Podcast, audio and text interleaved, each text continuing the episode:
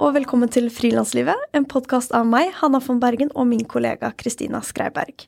Vårt mål med denne podkasten er å være en faglig og inspirerende kanal for alle som jobber for seg selv innenfor kultur, kunst og mediebransjen.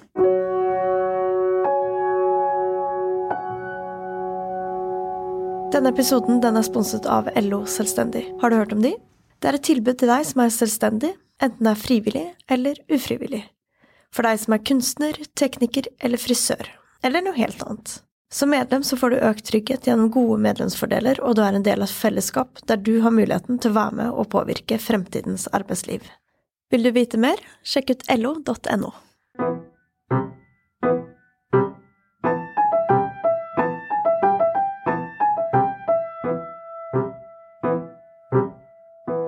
Dagens gjest er 41 år gamle Linnea Elisabeth Svensson.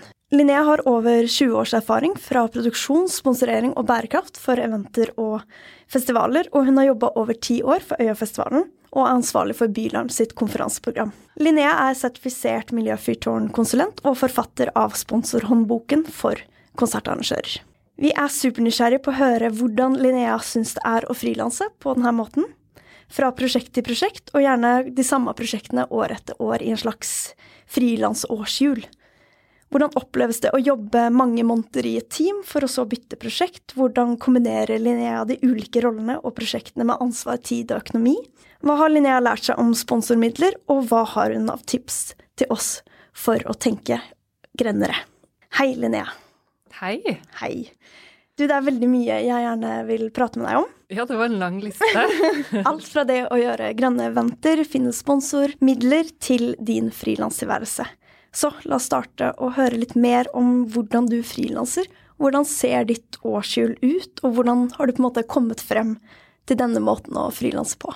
Ja, det er jo sånn som mange sikkert opplever, en slags um, prosess hvor veien blir til mens man går det å forklare andre som lurer på hva, sånn som du spør hvordan ser ditt år ut, og hvordan gjør du det, det å forklare andre som kanskje ikke skjønner helt dette med freelancing og hvordan man jobber prosjektbasert, eh, kan være litt sånn krevende, fordi eh, det virker eh, kanskje som man ikke har en rød tråd, eller at ting ikke henger sammen, at man ikke forstår helt hva det er du egentlig gjør. Og da har jeg liksom lært meg at det ikke betyr så mye så lenge det betyr noe for meg. Men uh, heldigvis har det blitt sånn at det henger veldig på greip for meg. Uh, og um, det er liksom alt fra å ha et overordna ansvar fra Bylarm, som du snakket om, med konferansedelen der, hvor jeg jobber et halvt år med det teamet for å få det programmet på plass, til å ha på en måte korte rådgivningsoppdrag hvor jeg er inne og sparrer med arrangører, eller hvor jeg jobber med å gjennomføre arrangement på vegne av en oppdragsgiver, f.eks. med Oslo sin stand på MIPIM, som er en stor internasjonal eiendomsmessig kan, eller uh, Dyrk nabolaget, som er et nabolagsarrangement i regi av en utvikler på Grønland, hvor vi jobber med å integrere liksom fagområdet byutvikling med nabolag og liksom skape god stemning og lage egentlig familiearrangement, da. For meg så handler alt dette om hvordan arrangører jobber. Eh, jeg holder ganske mye kurs med norske konsertarrangører, men jeg har også forelest eventledelse, et nytt kurs på BI for eh, Creative Industries Management. Så da på en måte det ikke, handler det ikke bare om liksom musikkbransjen eller byutvikling eller idrett, som jeg også jobber med, Bislett Games. Men det handler om å lage gode arrangement, og det er på en måte det som er den røde tråden. Men hvis du ser på en måte etter kultur eller festival, så finner du kanskje ikke så mye av det, og bare hvorfor jobber du med Norges varemesse, liksom. Men det er for at de skal bli ISO-sertifisert, og de skal lage, være en arena for gode arrangement, da.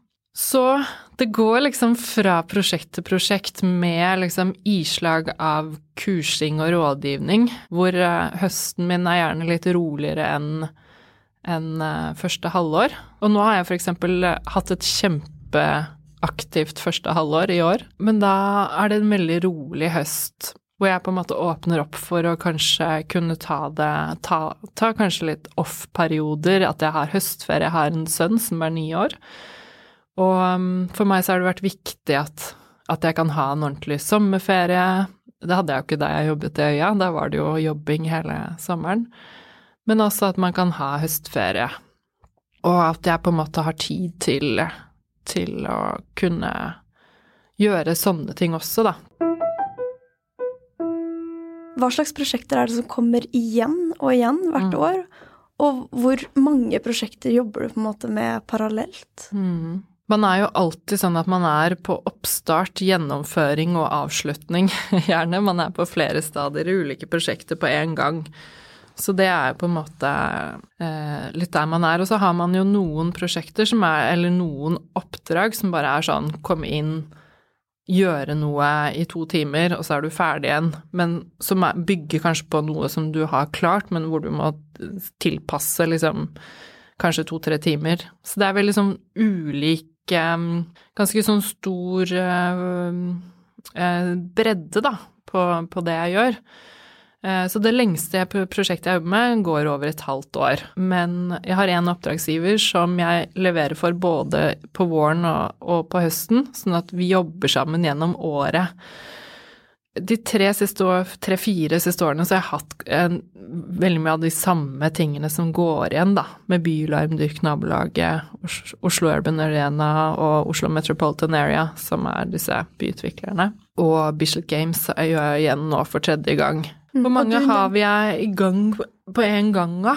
Um, uh, det kan være at man er i ulike faser med fem, mellom fem og ti ting. Uh, men at alt er kanskje ikke sånn som, som, jeg leder helt alene, men at jeg passer på å få inn hjelp og, og bistand, da. Der det trengs, også fordi jeg syns det er morsommere å jobbe med flinke folk og kunne liksom trekke på det. Mm. Mm.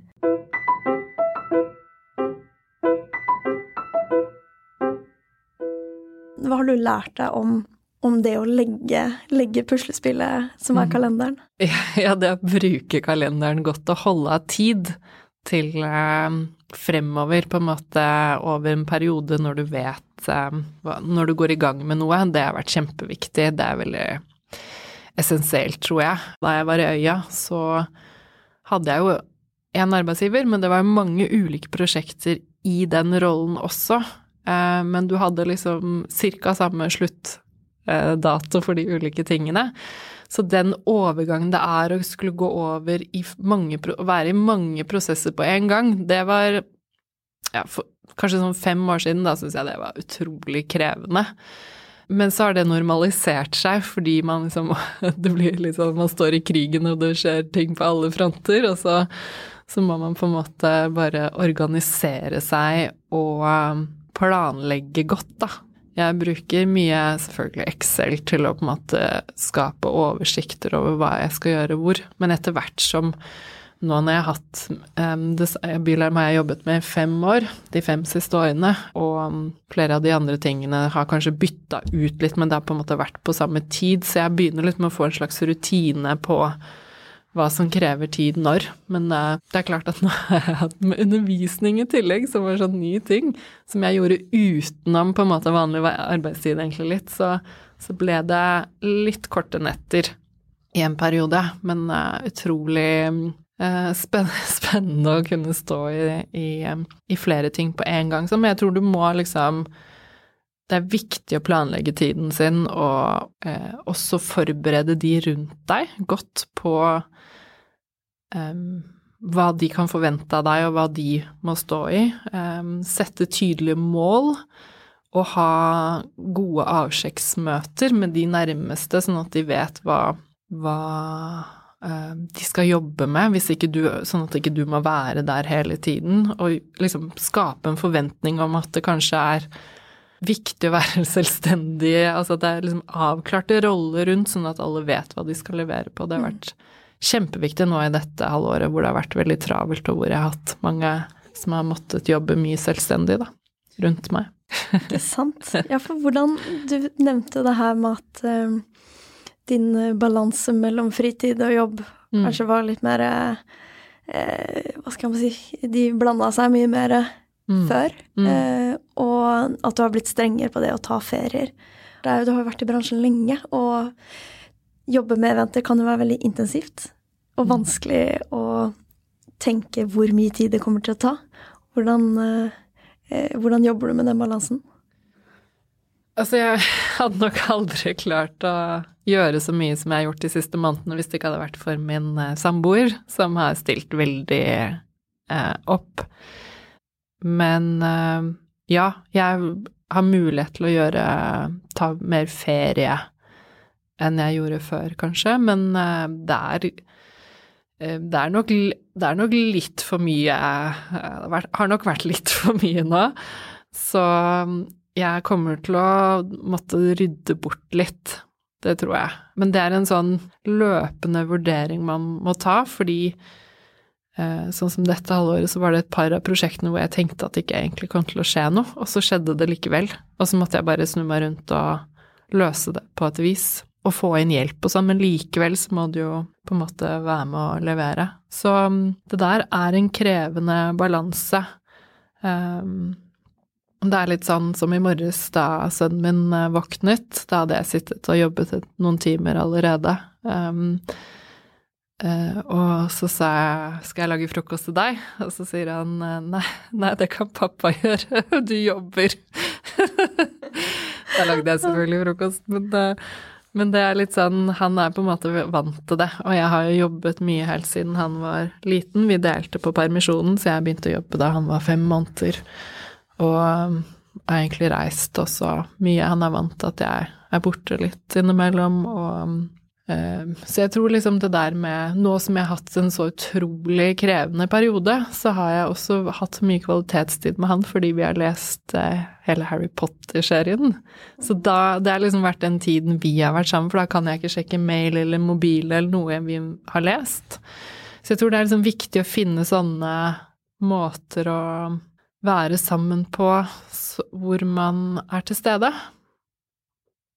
Mm. Men eh, det der er noe jeg må fortsette å jobbe med, og eh, den der balansen også for en selv og venner og sin, egen, sin egen tid, da, eh, også er Mm. Viktig ikke å gå for mye på kompromiss på, eller Mm. det føler man på, ja. kjenner meg veldig, veldig godt igjen i det der. Og at det er veldig vanskelig fordi man kan være veldig effektiv, man kan planlegge, og så skjer det jo uventa ting, og prosjektet blir større.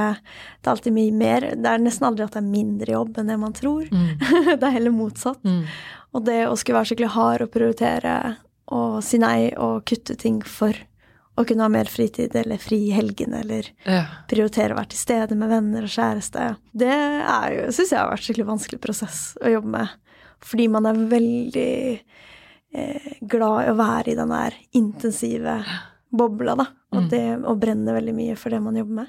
Ikke sant? For det er nok noe sånn det er nok noe kjemi som skjer i hjernen vår, Hanna, med, så, hvor vi har det sånn derre eh, reward-system eh, som vi feeder av her. Nå ble det sånn svorsk, eh, holdt jeg på å si, norsk-engelsk. Men jeg tror nok, Da har jeg tenkt litt på, at jeg får nok veldig kick av å liksom stå i ting. At det er mye som skjer, jeg føler jeg får et veldig sånn godt blikk. Det jeg har lært meg, er å, å anslå tiden min veldig godt. Jeg leverer veldig sånn riktige timer. Og det har jeg liksom eh, sett litt på andre rundt meg, eh, hvor jeg ser oi, de tror at det tar så mye tid, men når de er så grundige, så kommer det til å ta enda mer tid. Altså jeg har nok utvikla et sånn godt blikk, og så ser jeg også da der har mulighet, å kunne for min egen del, hvis jeg styrer flere og legger, ser litt på bruken av tiden deres, og kanskje i mitt eget budsjett legge på litt, fordi jeg ser at det trengs kanskje litt mer fra den personen, og det er noe um, de kanskje ikke ser selv, så jeg på en måte prøver å styre det litt sånn for andre rundt meg òg, men jeg ser jo jeg har også jobbet mye med veldig erfarne rådgivere, som jeg ser også slite med det der med å ville levere mye mer enn det som trengs. Men det er litt det der igjen tilbake til med forventningen til kunden, da. Hvor mye du skal kunne gå i dybden når du leier inn en ekstern person på den måten. Og hva de egentlig får for de timene. Å ha liksom gode avklaringer på, på det er veldig viktig. Har du Eh, noe system hvor du skriver timer Mm. for de ulike prosjektene du jobber med? Ja. Hva bruker Det du Det må man vel? Må man ikke Ja. det? Er det ikke sånn krav? Jeg har prøvd liksom uh, Jeg bruker kalenderen min og Excel. Kunne sikkert vært uh, et aktivt tid med system, men det er på en måte jeg ender opp med, selv om jeg prøver noen ganger å begynne med ulike eh, online-systemer, så er det liksom det jeg ender opp med. Ja. Men ofte må jeg levere tilbud med timer og beskrive bruken av de. Så hvis jeg går utenom Da må jeg følge med på timene og hva jeg bruker timen på. Jeg er nok ganske sånn grundig i å logge. Uh, og da vet jeg jo til neste gang hvor mye det kreves, og hva, hva jeg trenger av hjelp hvis jeg ikke har de timene. uh, og på en måte hva som kan delegeres bort eller kuttes fordi man har gjort det, og derfor så er det ikke den intensive bruken som man kanskje har behov for noen ganger, da. Men så har jeg sånn som med Bylarm og Urban Arena og, og den type oppdrag, så er det ikke timetelling, eh, egentlig. Jeg logger det for min egen del, men, eh, men det er eh, faste summer, på en måte enten månedlig eller overordna, som hvor jeg disponerer selv, da, men hvor det er et anslag av forventa bruk av tid, da. Eh, og det er jo Da kan man liksom bare bruke all tid man vil. så det er jo lett å la seg rive med da også. Eh, så jeg syns det er ok å ha en blanding, egentlig. Litt sånn eh, ulike systemer, rett og slett. Men jeg tenker sånn ha en god oversikt, at man, som du sier, man velger seg selv litt hva man eh, Hvilket system man bruker, men så det å også kunne gå, kunne gå tilbake for kunden sin del og si hvordan du har brukt tida di, er viktig, altså. Ja, og én ting er for den egen læring og teambruk, og det at man ikke bare ender opp med å jobbe 200 timer i måneden og skulle vært 150, eller Mm. og, Men også for kunden sin del, eller arrangør eller prosjektleder sin del, å faktisk forstå hvor mange timer er usynlige, da, Mm. i det det faktisk krever av ressurser til å lage det her eventet. Så ikke man tror at det er eh, tre eh, personer ansatt på tre måneders engasjement, men så i realiteten så har de jobba fire måneder hver. Ja. Eh, for da burde du kanskje hatt en person til. Så det tenker jeg også som en slags sånn feedback til kultursektoren for å synliggjøre den her eh, usynlige ressursbruken. Mm. Kan være veldig fint. Jeg tror det er veldig viktig. Og så men igjen, det er den derre forventninga, så det er viktig å ta tak i det hvis du kan i, fra starten av.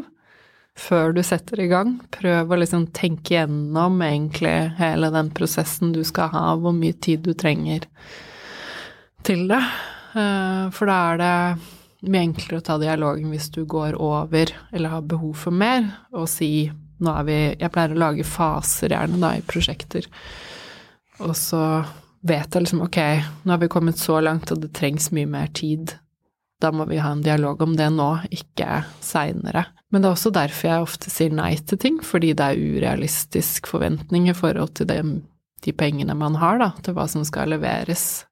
Det er jo noe jeg har lært meg de siste årene. Jeg har vært, hatt mitt eget eh, enkeltpersonsforetak siden eh, 2012, men eh, i den prosessen, det å vite Se litt sånn når noen har eh, urealistiske forventninger, det har jeg virkelig lært, og at man da bare takker nei, rett og slett. Fordi det er så vondt å stå i en eh, prosess hvor du må levere, og du vil jo at det skal bli vellykka, men at det, du nesten ikke får betalt. Det er jo veldig Det ser mm, flere stå i av og til, og det er veldig vondt å stå i, for man får veldig sånn, nesten sånn skyldfølelse, eller at man vil veldig gjerne prestere, og så er det vanskelig fordi det er egentlig ikke lagt opp til at du skal kunne lykkes, ikke sant, fordi det er ikke nok midler til det. Kjenner du deg igjen? eh? Kjenner meg veldig godt Ja. igjen.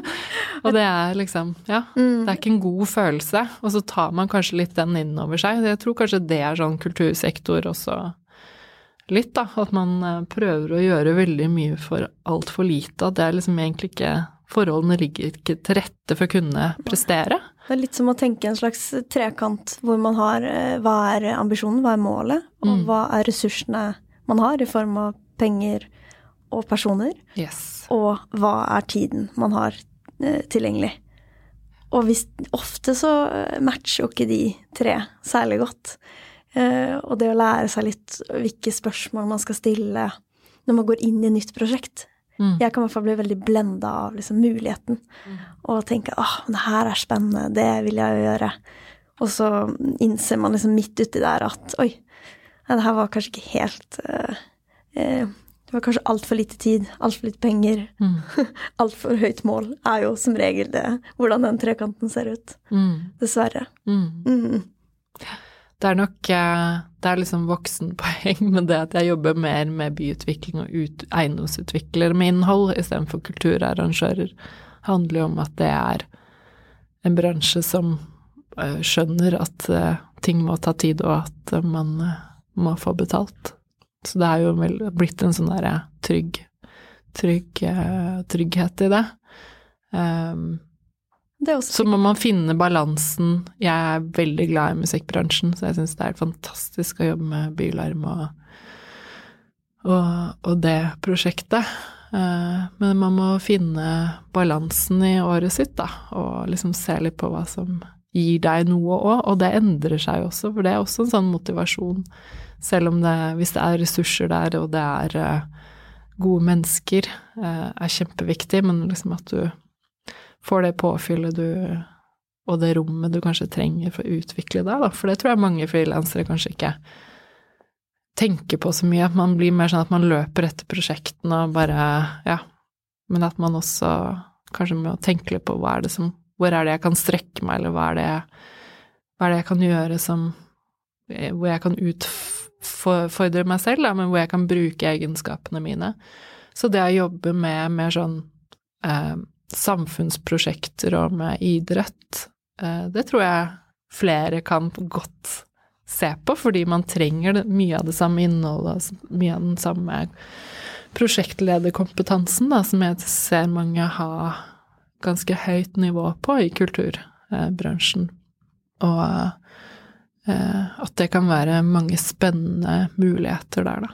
Mm. Mm. Det er veldig spennende og at man jobber både med sånn som deg, med byutvikling og sport og, eh, og kultur. Altså Mm. alt fra musikkfestival til, eh, ja, til byutviklingseventer. Er det noen ting du vil trekke frem i forhold til de viktigste hendelsene eh, som på en måte har ført deg til der du er nå? For nå har du liksom etablert og har et slags årsskjul. Det virker som du har en god fot i bakken på både det du På din kompetanse og Mm. din eh, frilanstilværelse. Ja, jeg må få lov Jeg sitter og retter eksamensbesvarelser fra- på eventledelse, og da var det en som hadde skrevet at eh, ja, det ble litt sånn omrokering i oppgavene. Den, eh, det var et praktisk kurs, så de skulle løse noen oppgaver, og så ble det litt omrokering på oppgavene. Så skrev eh, studenten at eh, jeg ble satt til å gjøre simple oppgaver, nemlig innslipp. Og det måtte jeg le litt av, fordi det har jeg virkelig lært meg fra da jeg var på en måte i ledelsen av øya, til å bare mm, stå litt mer på gulvet sjøl og måtte gjøre alt fra A til. Det var ganske sunt. Ehm, jeg tror at eh, hvis jeg skal gi råd, da ehm, Det er jo det jeg tar mest betalt for. Når jeg har mange timer i noe, så tar jeg jo mindre betalt per time. Men hvis jeg skal gi gode råd, og få godt betalt for de, så må jeg altså vite hva det handler om å stå i det selv. Så det er på en måte å komme ned fra sin høye hest, og simpelt eller ikke, men liksom hvis jeg skal gi råd om kildesortering, så må jeg stå og gjøre det litt sjøl òg. Eller eh, ja, rigge litt, eller Det er sikkert bedre og mer effektivt å bruke andre, men det å liksom stå i prosesser selv, og liksom i praksisen selv, det tror jeg er veldig viktig. Eller det har vært viktig for meg. Så jeg har virkelig liksom fordypa meg sånn i arrangørfaget. Eh, og da kan man jo Da er det mye enklere å skrive en veileder da for idrett og miljø, fordi jeg var Jeg har liksom vært frivillig i, på idrettsarrangement eller jobba med det også. Så jeg tror, tror det der å Når man skal gi gi innspill eller jobbe med prosjektledelse på liksom, i en sånn praktisk felt som arrangørområdet uh, er, så er det det å ikke være for god for noe. Uh, Mm, kunne sjaue og være ja, på gulvet. Ja, Mm. men nå tror jeg liksom jeg er mer klar for uh, lederutfordringer igjen, da. det har jeg også i og for seg i noen av prosjektene mine, eller jeg har det, men Så det er kanskje kommer kanskje til å gå litt bort fra å gjøre alt fra A til Å. Jeg syns det er mye gøyere å ha med et skikkelig bra team, og heller dele litt på det, den eh, budsjettposten man har for, for uh, honorarer og sånn, uh, og så heller kunne gjøre flere ting, men med flere, da. Det er mm. morsommere. Ikke sant. At du mm. trekker inn folk ja, i de Så jeg begynte ja. å gjøre det, ja, de siste tre årene, egentlig. Mye, I mye større grad enn jeg kanskje gjorde før, da. Ja, så ikke man er, Ingen er for god for noe. Det tror jeg er liksom veldig viktig, viktig å huske.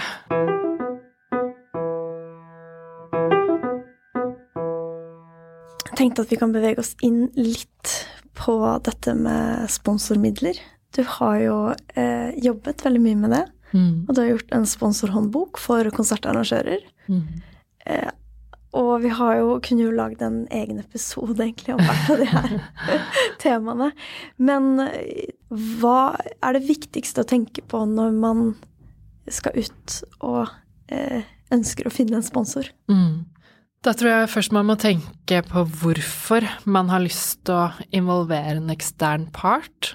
Eh, sponsing er jo markedskommunikasjon, og man er jo som et sponsorobjekt, altså den som inviterer noen inn til å bli med eh, mot et vederlag, da er man jo plattformen som det brandet eller den virksomheten skal snakke fra. Så da må man tenke seg liksom godt om hvem man egentlig inviterer inn, hvem man har lyst til å ha med på laget. Det er liksom å finne en partner. Hvem er det som er riktig for meg, og hvem er jeg riktig for?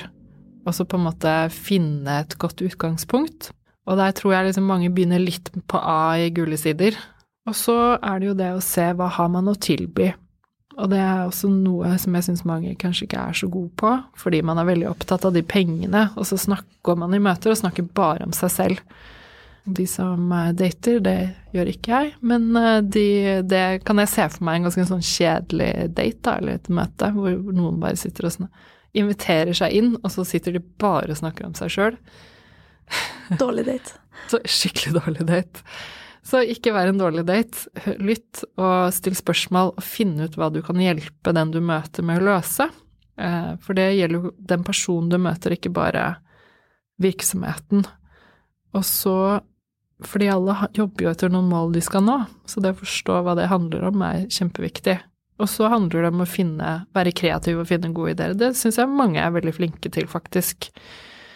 Eh, men det å komme over den derre man inviterer faktisk noen inn for å bruke penger, og da må de jo få noe tilbake. Og det å være tydelig på hva det skal være, og gå i dialog om, om, om, hva det kan handle om, som også på en måte kan levere mer enn salg av noe, eller liksom Man må skjønne motivasjonen, da, til den, man, den virksomheten man snakker med og så lage en plan sammen med de ut ifra det, og så bare få signert den avtalen og sette i gang, liksom. Og da begynner jo arbeidet med å levere på det man skal. Det er ganske mye jobb, jeg tror mange undervurderer hvor mye jobb der.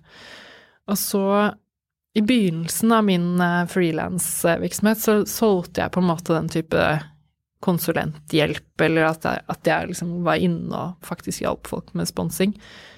Men det jeg fant ut, og det er det mange som har slutta med, de som gjorde det, har egentlig slutta med det. Det er ikke så mange som tilbyr den tjenesten lenger, fordi du kan aldri garantere at du får en viss sum penger.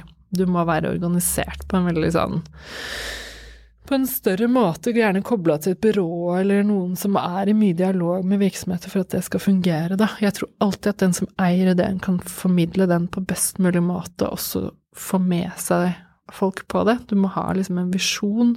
Du må liksom kunne beskrive prosjektet ditt godt og dokumentere, hvis du har gjort det over flere år, godt, sånn at man skjønner hva man blir invitert med på.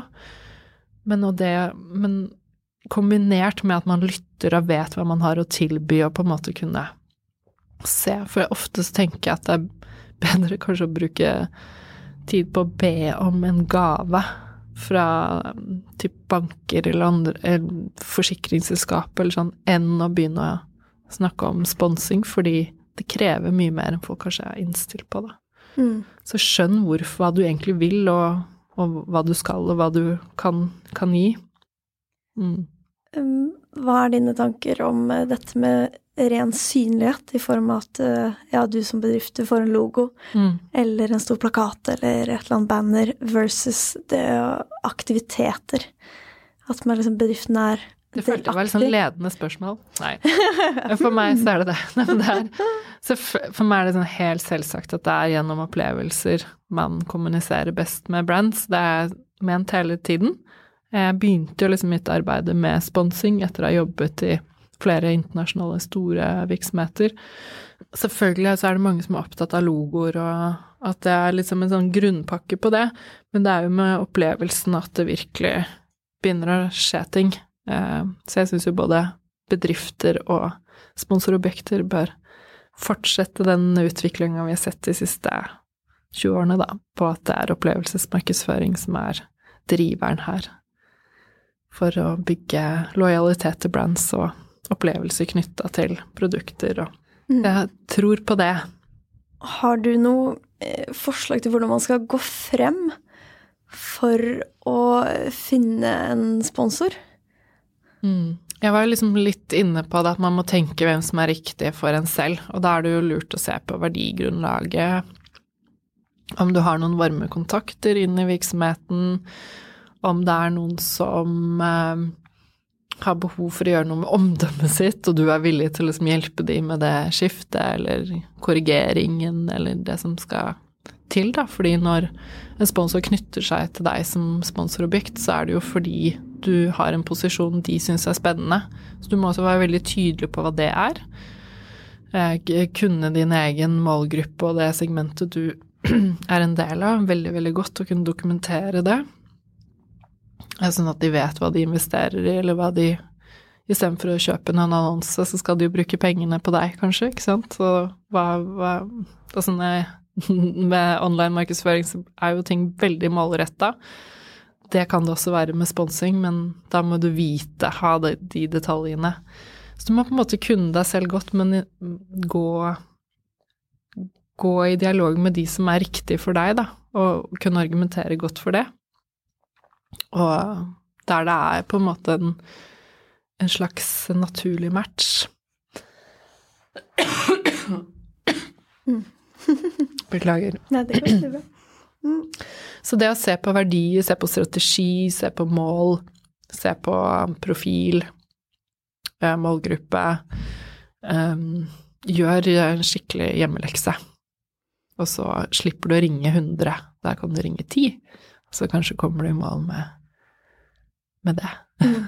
Hva er de vanligste feilene du ser folk gjør?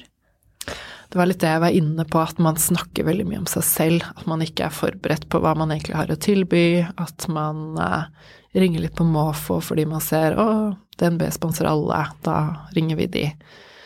Eh, jeg var i et sted og holdt kurs, og så hadde de akkurat ringt eh, sjefen i Coca-Cola, og da hadde han bare sagt eh, Han i Coca-Cola hadde sagt eh, ikke ring meg, jeg ringer deg. Og det er litt sånn eh, ja, selvfølgelig er det når det er forbruksprodukter og du har et arrangement, så er det en relevans der, og det Se etter den for all del, men liksom hvis du er et bitte lite arrangement, så er det kanskje bedre å gå i dialog med en lokale kjøpmann som har masse ulike forbruksprodukter som på en måte kan gi deg Som har en lokal interesse, da.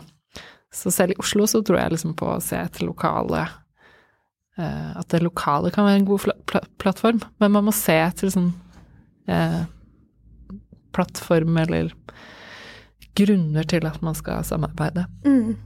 Husk, I fjor så eh, lagde jeg en festivalgate for Oslo Pics. Og da var det en eh, helg hvor det var barneaktiviteter. Og da var vi i samme gate, Olav Femtes gate, som riktige leker. Mm. Eh, og da ga det jo veldig mye mening å på en måte gå i dialog med de og si hei, vi har en festivalgate i din gate. Vi skal ha arrangement for barn. Eh, har dere lyst til å være med og gjøre noe med det? Ja. Eh, og bidra inn, da, med aktivitet og Men gjorde de det? Det gjorde de. Ja, så bra. Mm. Så det var veldig gøy. Og det var jo ikke at vi kjente noen fra før av, men det var en veldig tydelig match, da. Mm. Det var et veldig godt eksempel. Men sånn popkorn burde jo vært liksom helt sentralt Mm. med kino. Hva kan man gjøre med popkorn? Ja, så finne de her assosiasjonene. Og det Ja. samme gjelder jo denne podkasten, Mm. eh, at vi er en podkast for frilansere? Hvem andre er det som har tjenester for frilansere? Mm. Som vi også på en måte syns gjør det bra, da. Mm. Mm, Ja, det er den derre der assosiasjonsoverføringa. Absolutt. Mm. Motivasjonen, det, det som gjør at man gir noen et grunnlag for et marked, da. At man når ut. Det er jo markedsføring. Mm. Det er tenkt sånn. Mm. Ja, og gå litt bort ifra um, Ja, vi trenger penger, vi trenger Gi oss bistand her. penger. Mm. Ja. Men som du sier, litt den der tosomheten med hva kan de få, hva kan vi få? Ja. Man må Eh. se på gaver som én ting, og sponsing som noe annet. Det er ikke det samme, selv om kanskje noen bedrifter og noen sponsorobjekter behandler det sånn. Eh, og det å søke om å få sponsing, det, blir, det er sånn feil bruk av begrep. Eh, sponsing er markedskommunikasjonsdialog. Eh, dialog.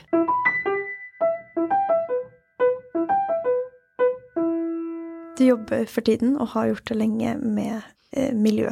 Mm. Og gjøre eh, Hjelpe andre å gjøre sine eventer og prosjekter eh, grønnere. Mm. Og du har også eh, Du er sertifisert miljøfyrtårnkonsulent. Mm. Kan du fortelle litt hvordan du jobber med dette feltet? Ja, altså Jeg jobber både med, som rådgiver som, med, Miljøfyrtårn-standarden og med ISO 2012-1-standarden, som er standarden for bærekraftig arrangement. Jeg har også gjort en sånn 14064, som er eh, klimagassregnskap. Da Det er jo Disse standardene og sertifiseringene er jo på en måte oppskrifter hvor man jobber egentlig veldig sånn systematisk med å oppfylle de listene med krav, og Miljøfyrtårn er jo veldig sånn lavterskel eh, kartlegging av hva du holder på med, mens ISO med, er litt sånn mer åpen, men har også liksom retningslinjer hvordan man skal jobbe, da, med led, Det er et ledelsessystem um, hvor du selv velger litt hvordan du legger opp miljøarbeidet. Men det viktigste er jo å begynne med en kartlegging, vite hvor du står, og så se på hvor man skal forbedre. Eh, og når man blir miljøfyrtårn, så er det jo ikke sånn at man er best i klassen på alt. Poenget er at man har begynt kartleggingen, og så blir man sertifisert med en tredjepartssertifisør. Så det er, liksom, det er liksom en slags godkjenning av at man bruker disse begrepene om bærekraft og miljø, da, som jeg syns Det er liksom egentlig en hygienefaktor for de fleste virksomheter. Og så det, handler det om å tilrettelegge for at man får til den kartleggingen og sette seg mål og lage en handlingsplan. Så jeg jobber veldig sånn systematisk med det, da. Så det er liksom deilig når, når jeg jobber i mer sånn store kreative prosjekter hvor liksom alt eh, kan skje, så er det veldig godt å gå inn i liksom eh, miljøsertifiseringer, for det er veldig systematisk og liksom veldig prosessorientert. Men det handler både om å kartlegge, sette mål, eh, sette handlingsplan, og så bare liksom jobbe jevnt og trutt med det, da. Mm. Mens med ISO, som er ledelsesbasert, så ligger det masse potensial der som også går på strategi og organisasjonsutvikling, og det åpner seg opp eh, ja, veldig sånn spennende mer sånn organisasjonsarbeid, da, som handler om hele, liksom, hele måten man driver virksomhetene sine på. Så de to casene jeg jobber med der, de har liksom endt opp med å omorganisere ganske mye og gjøre om på rutiner og liksom fører liksom mer med seg. At man jobber også mer ressursfornuftig, at man passer på de menneskene som jobber der. Så det er mye sånn fag du må ha innblikk i og kunne se og sette fokus på. Er det noen råd du vil gi til frilansere der ute som vil på en måte mer aktivt jobbe for å gjøre ting mer miljøvennlig? Er det noen steder du anbefaler å sjekke ut, eller noen av de viktigste lærdommene du har hatt, som du vil gi videre? Vet du hva, jeg har jo jobbet med miljø og eh, arrangement i veldig mange år, og det jeg ser nå, er at jeg kan liksom gå ganske mange skritt tilbake, fordi det er så mange som har kompetanse på liksom de der hverdagstingene du må passe på, da.